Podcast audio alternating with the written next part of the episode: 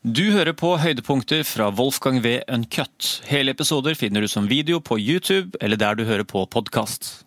Summene er så enorme at det, jeg tror ikke folk greier å forholde seg til heller. Altså det er jo det Jeg snakka med han sløseriombudsmannen på Facebook også, som legger ut de her eh, Fikk du han i tale? Ikke han anonym, da? Anonym, ja. Vi har møtt han. Han har dukket øl med han og sånt. Jævlig hyggelig fyr. Jeg veit hvem det er. Du vet hvem det er, du òg? Ja, ja. Ah, ja, ja, jeg Jeg, jeg holdt et eh, foredrag der han eh, Han kom bort til deg? Ekstremt godt betalt foredrag. Skal du ha jeg fikk det. Men det var opp for publikum. Ja, Samme det. Ja. Men da kom han og preika med meg. Men jeg husker ikke navnet hans. da. Ja, ok, ja. Like greit. jeg har sagt at han må bli med her en gang når eh, hvis det her uh, skal vi si, sløseriombudsmannen blir uh, navngitt da, på et eller annet tidspunkt. Men nå kom jeg ut av hva jeg skulle si for noe. Det var, jo, eh, disse summene. Eh, han er jo sånn, han, han prøver å skrive om eh, statlig og byråkratisk sløseri i litt sånn forskjellige skalaer og forskjellige nivåer, men det er jo ingenting som tar av mer når han drar fram disse statsstøttede kunstnerne. For det er det som på en måte folk virkelig lar seg provosere mest av. da.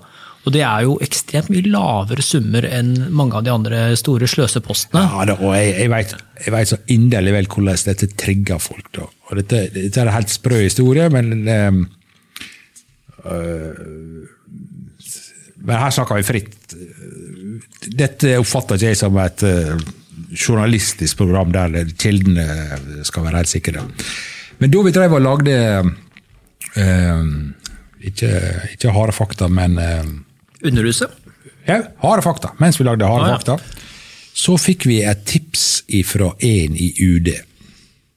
Og han hevda det var sant. Men vi greide aldri å få det bekrefta. Uh, men, men vi ønsket det. Men da hadde, påstår han, hadde ei sånn, ei dame som drev med dokketeater og sånne litt underlige ting, hun hadde fått eh, penger fra, fra Utenriksdepartementet for å dra til Pakistan. Og det er vel Peshawar heter den der eh, hva si, terrorhovedstaden som eh, er i begynnelsen av Svartdal. Ja, hvis folk er gode i geografi, skal det være at det er mulig at de husker feil navn. Jo, men jeg trodde Peshawar. Og hun hadde dratt dit med dette her dokketeateret sitt. Og så hadde hun dratt videre opp i Svartdalen.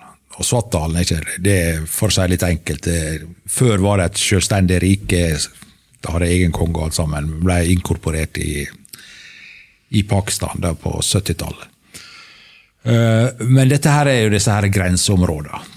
De er jo helt lovløse. Og der påstår vår kilde ble denne kunstnerdama da kidnappa. Og så fikk eh, vår ambassade i Kabul, som sagt, jeg veit ikke om dette er sant, han bare fortalte dette, så fikk vår ambassade i Kabul beskjed om dette. Og dette her er jo da eh, Taliban-gjeng. Sånn, ikke sant? Og det endte med at USA sendte inn en chopper og frigjorde en eh, guns blazing og full pakke. Og tenk om vi hadde fått stadfesta den historien. Da bare sånn en, en norsk dame, kunstnerdame med norske uhjelpspenger, drar inn i grenselandet mellom Afghanistan og Pakistan, og USA må inn og drepe Men selvsagt, det er sånne historier som blir imu... Selv om han insisterte på det var sant, og han jobba i UD. Og jeg tror at det er godt hende det er sant, men det er sånne historier det klin umulig å få eh, verifisert. Ja, det hadde vært fint å få den verifisert, men vi kan ikke bare late som at den er sånn, eh, så godt som verifisert da? Jo, jo, men poenget var at jeg hadde da en sånn subsidietopp eh, i hvert program i, eh, i eh, Harde fakta. Og der, Det var jo alltid bare å hente noe video fra Pling Plong. for- la- sånn- Da de hadde sånne Pling Plong-festival i Ramallah og sånne ting, og du hadde videoer fra det. og Det er så bisart. Her ser dere arabere som driver og ser folk i nordmenn lage Pling Plong-musikk. Ramallah. vet. Og det, det er så latterlig sånn imperialistisk også, på et vis. da, at det, Arne Norheim, ære være han, og jeg syns faktisk litt av musikken hans er, er interessant, da, men nordmenn kan jo ikke fordra det, da, og så prøver vi å eksportere samme konsept til Vestbredda. Det bare sånn Hvorfor plager araberne med dette, da? og det går jo på uhjelpsbudsjettet, selvsagt, så det var jo en norsk pling-plong-gruppe som da kunne reise ned og fakturere. da. Så vi har altså Kulturrådet og et slags kulturråd i uh, U-hjelpen også? Ja, jeg har masse kultur i U-hjelpa. Ah, ja. Ja, ja. Er det Kulturrådet som også driver og trekker i trådene der òg? Jeg, jeg satt jo en med, egen gjeng? jeg satt jo veldig godt inn i dette, men jeg skal huske at det er ni år siden så eh, Jeg tipper at Kulturrådet har, uten, jeg tipper de har en pott av uhjelpspenger, så de får eh, distribuert litt. da. Vi har jo vært litt i eh, hardt vær i mm, Kulturrådet. Nå har de starta egen podkast, så de skal sikkert praktisere litt mer åpenhet eh, rundt ting og tang. Så Den begynte nå for et par uker siden, tror jeg, eller et par måneder siden.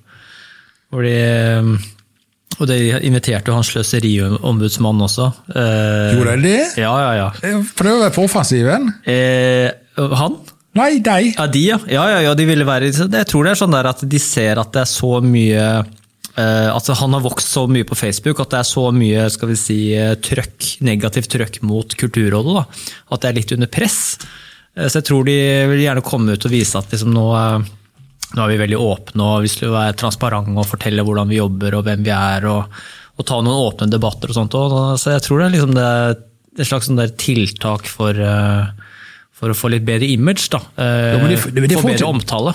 Det får de til, vet du. Det, det kommer det aldri til å begynne bare å gjøre fornuftige ting. vet du. For dette er jo ei sekt. Og sekter blir jo definert mot omverdenen. Og da er det naturlig at en fyr får lov å følge, følge endetarmen med blåmaling, eller hva det skal være. Det, det, sånn er det bare der. og derfor, Selv om de prøver å være åpne alt sammen, så er det for dem helt uforståelig. Kulturvenstre er så sekterisk at det, hvis du bryter ut da, altså Det er verre enn å bli støtt ut av Smiths venner. Du, du, du mister all kontakt. Og Du så jo den voldtektssaka som Aftenposten skrev litt om, og ene med det andre. det Voldtektssaken, hvilken da? ja, det var en regissør. Så en, en sånn teaterlager. Dramatiker. Som drev med ja, fæl sex og overgrep og sånt. Men, og alle i miljøet visste det, da, men det var ingen som det var ingen som ville snakke om det. De ville ikke si det på et vis. Da. Og det er jo klask for, for sekter. Det, det er lukka miljø, og Kulturrådet sitter jo på disse pengene, og det, denne sekta, selv om de nå prøver å bedre imaget sitt, så, så, vil Jeg vil aldri gjøre, gjøre, gjøre fornuftige ting, for å si det sånn. Nei. Men det er jo det er, igjen da, tilbake til den borgerlige regjeringen. De har også bare spytta inn enda mer penger i kultur. For det er jo noe som virkelig sånn viser at de bryr seg om film, musikk og populærkultur og sånn. Så er det sånn, ja men da gir vi Kulturrådet litt ekstra penger. Altså. Så selv de har jo ikke kutta ned liksom, for Neida. På, på Kulturrådet. og det er, jo sånn, det er jo noen som vil gjerne altså, at vi skal legge ned Kulturrådet og i hvert fall kutte hardt der. Men Du, altså men du ser i disse hørings, eh, i høringene om vaksineplanene etter for covid-19, så alle disse NGO-ene, Kirkens Nødhjelp, you name it, de er jo mot at Norge skal prioritere norske innbyggere, ikke sant? Og staten gjennom alle disse NGO-ene har jo finansiert sin egen motstander, nærmest. Og det er jo klart at det, det eneste fornuftige NGO, folk vet hva det står for. Ikke offentlig organisasjon.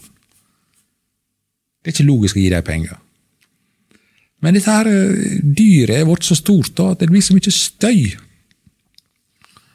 Og det, det, det, det er noe spesielt i norsk politikk, dette her, fordi Unnskyld.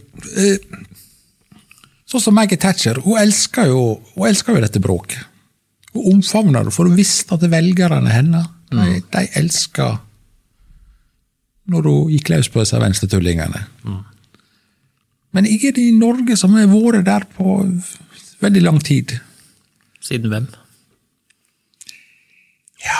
Det er et godt spørsmål. Det er liksom paradokset. Den største kutteren i Norge var jo Gro, da. Eh, Det er et godt spørsmål. Det det Carl I. Hagen var jo i sin tid han var jo massivt mot eh, bruk av offentlige penger. vet Mm. Men også han forsto det da, da, da oljefondet kom, at det, her må vi bare snu. Ja til skattelette, pøs på enda mer penger.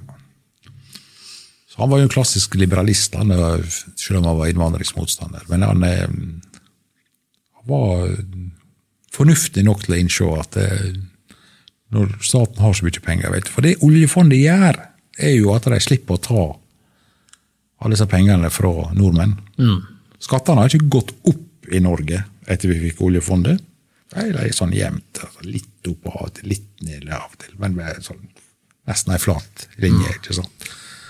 Så denne der galskapen, offentlige utgiftsløsninger, den, den blir til Folk føler ikke at de finansierer det. Og det har de i og for seg rett i, så lenge oljefondet vokser. Ja, så Wolfgang V. Uncut.